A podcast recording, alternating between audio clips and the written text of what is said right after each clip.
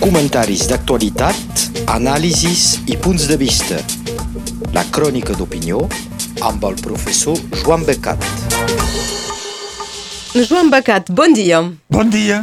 Avui parlarem d'una sentència del Tribunal de Justícia de la Unió Europea que fixa normes noves. Sí, l'esperàvem.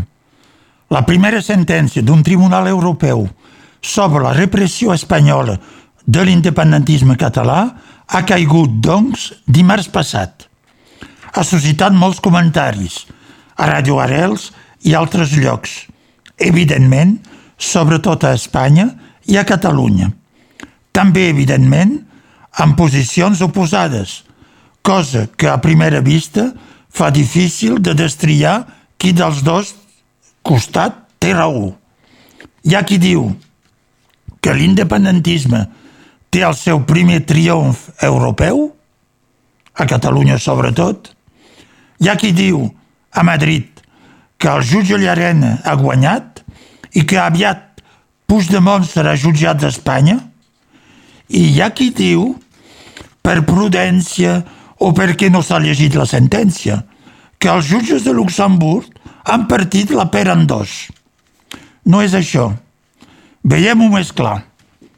La sentència és llarga i precisa, amb 147 paràgrafs numerats i una declaració final en sis punts.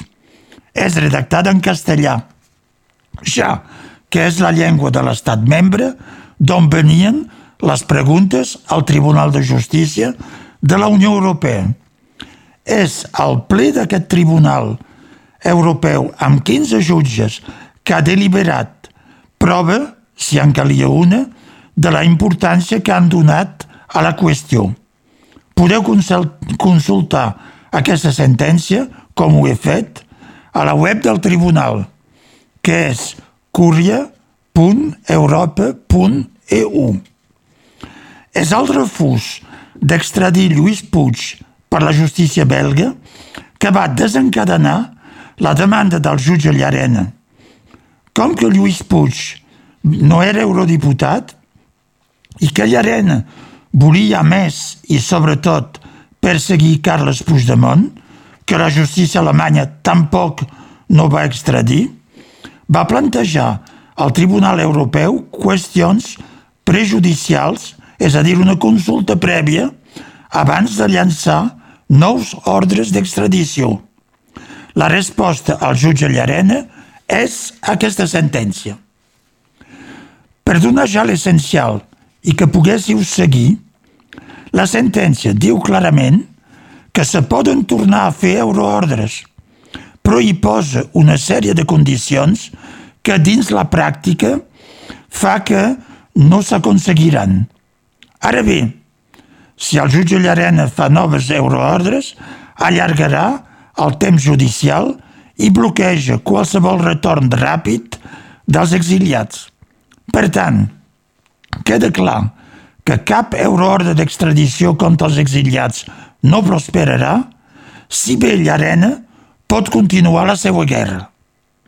El més important, al meu punt de vista, és que el Tribunal Europeu fixa normes noves sobre les euroordres, que no hi eren, introdueix conceptes nous que no hi eren i fa entrar en els criteris a mirar imperativament els informes dels organismes internacionals, sigui del Consell d'Europa, sigui de les Nacions Unides – com també tots els tractats internacionals sobre drets humans i no només, com feia abans, els tractats de la Unió Europea.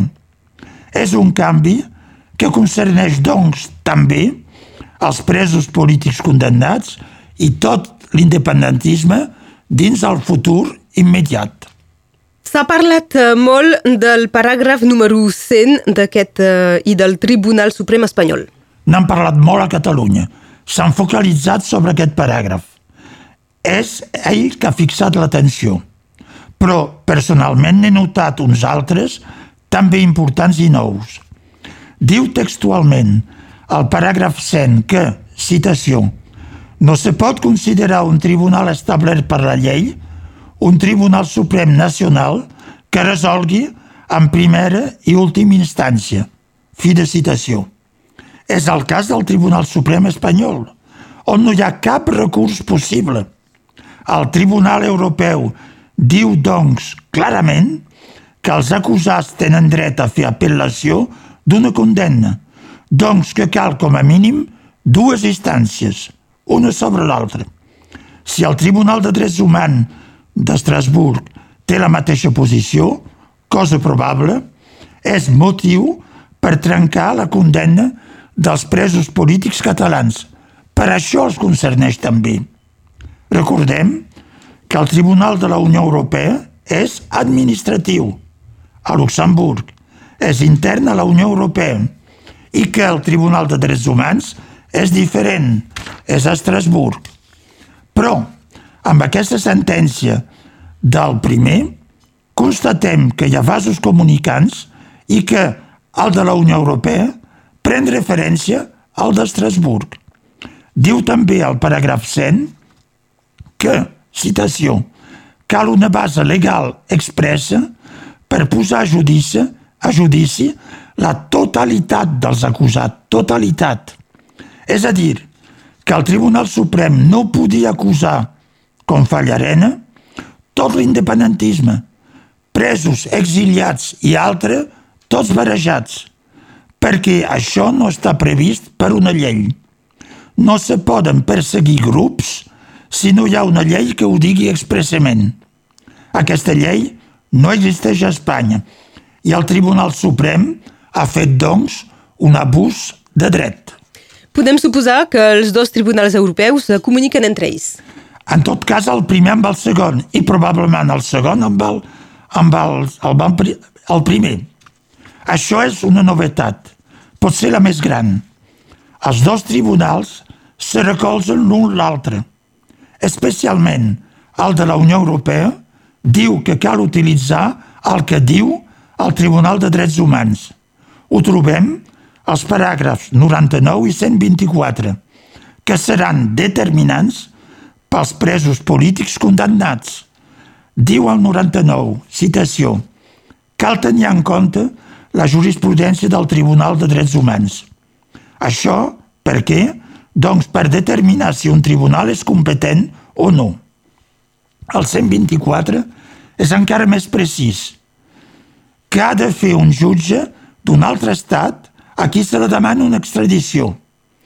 Doncs, com diu la sentència, per tenir elements objectius i fiables i precisos, diu aquest paràgraf, citació, consultar les resolucions judicials internacionals, com les sentències del Tribunal de Drets Humans, com resolucions informes i altres documents elaborats pels òrgans del Consell d'Europa o que pertanyen al sistema de les Nacions Unides.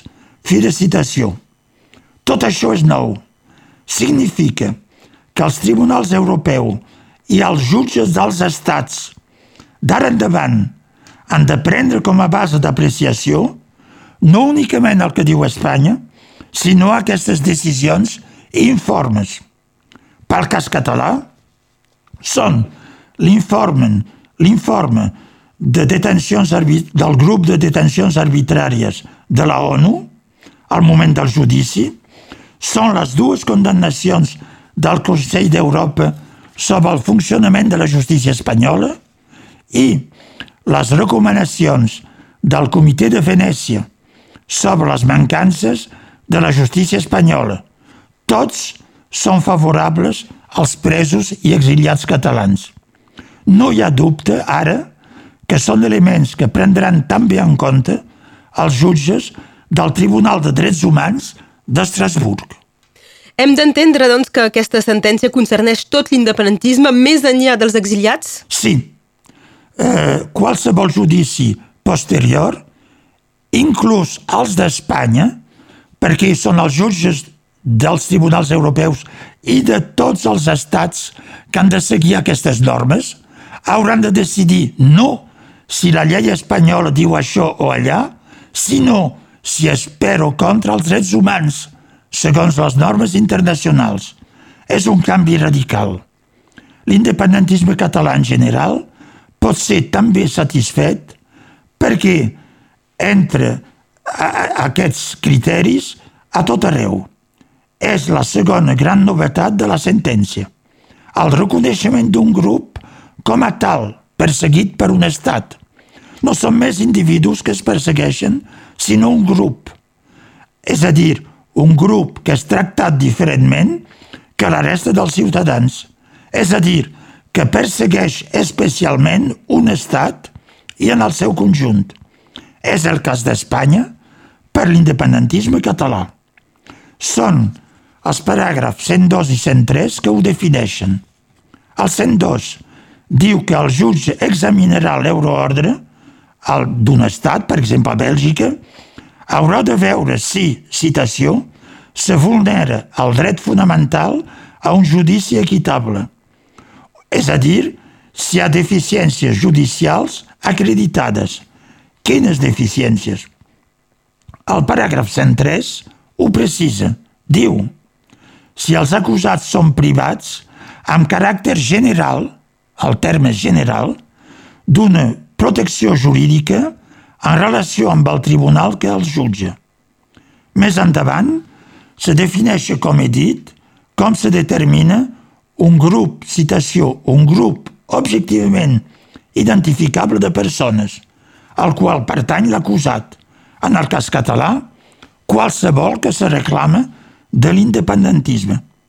És a dir, que tot i sent dins el funcionament d'un estat democràtic, és a dir, la justícia és democràtica per les coses comunes, pot aquest estat perseguir especialment un grup determinat i a llavors, en aquesta persecució, no és més democràtic i vulnera els drets, els drets dels acusats. És el que passa típicament a Espanya pel cas català. En conclusió, diria que, tot i que el jutge Llarena pugui fer noves euroordres, això sí, amb totes les limitacions que les farà inviables, els presos i exiliats catalans poden ser satisfets. Com ha dit el president Puigdemont, quan s'ha fet la sentència, un interviu, no s'acaba aquí el combat, però ha ara unes bases noves molt més favorables. Té raó. D'ara endavant, la justícia espanyola serà més encotillada, més limitada. L'independentisme català és implícitament reconegut com un grup identificable. Això és positiu per ell i pels altres moviments a Europa. No resol el seu combat, però dona un marc nou i positiu. Finalment, amb les preguntes del jutge Llarena sobre les euroordres, tots els exiliats s'hi jugaven el seu futur immediat. És un fet objectiu.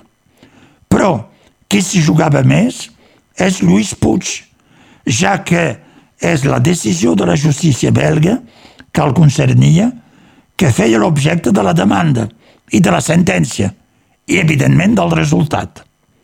El seu calvari de Lluís Puig, com el dels altres exiliats, continua. No tornaran ràpid, però els aspectes positius que impedeixen que qualsevol nova euroordre prosperi fan que d'ara endavant Lluís Puig pugui dormir ben, més tranquil, perquè és emparat per la justícia europea. Enhorabona. Canviem de temàtica i arran del vot dels pressupostos, um, Joan Becat ens diu que hi ha un canvi de majories i un nou tripartit al Parlament de Catalunya. Sí, no s'ha dit així tan clarament a, a Catalunya, perquè sovint amaguen la realitat darrere la mà per fer com si no la veien, però hi ha un canvi de majoria. Dimecres passat s'ha tancat un acord entre Pere Aragonès i Salvador Illa, és a dir, entre els líders d'Esquerra Republicana i dels socialistes, per votar el pressupost 2023 de la Generalitat.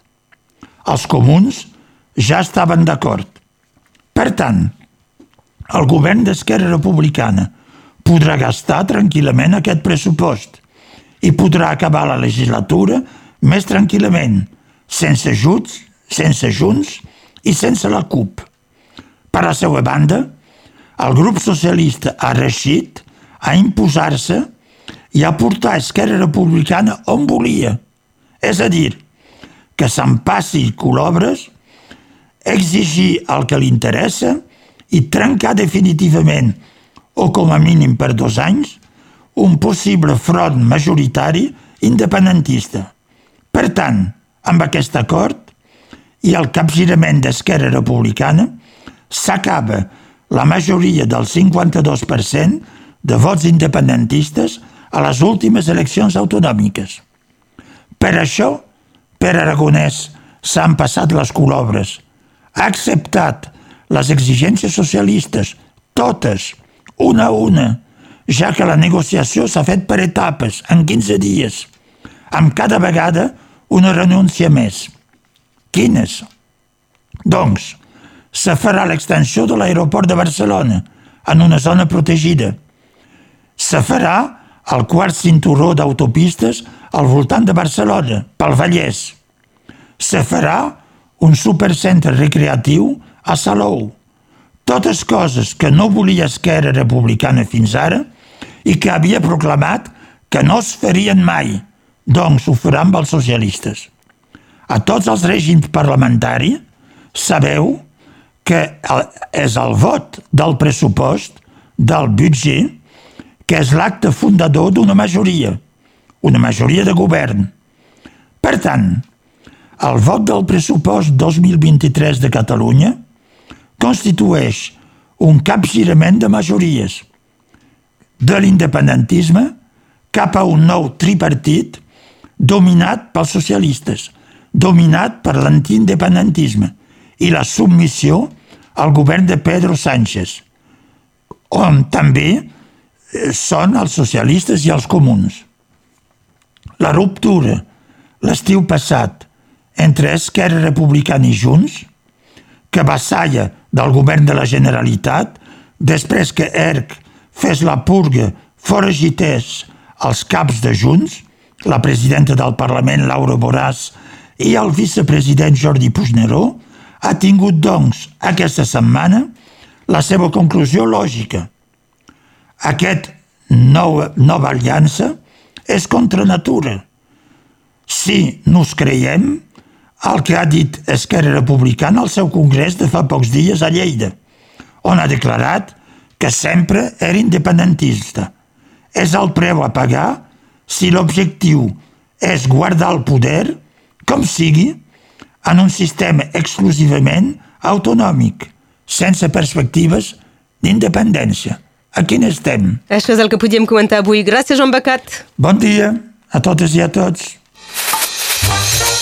Comentaris d'actualitat, anàlisis i punts de vista.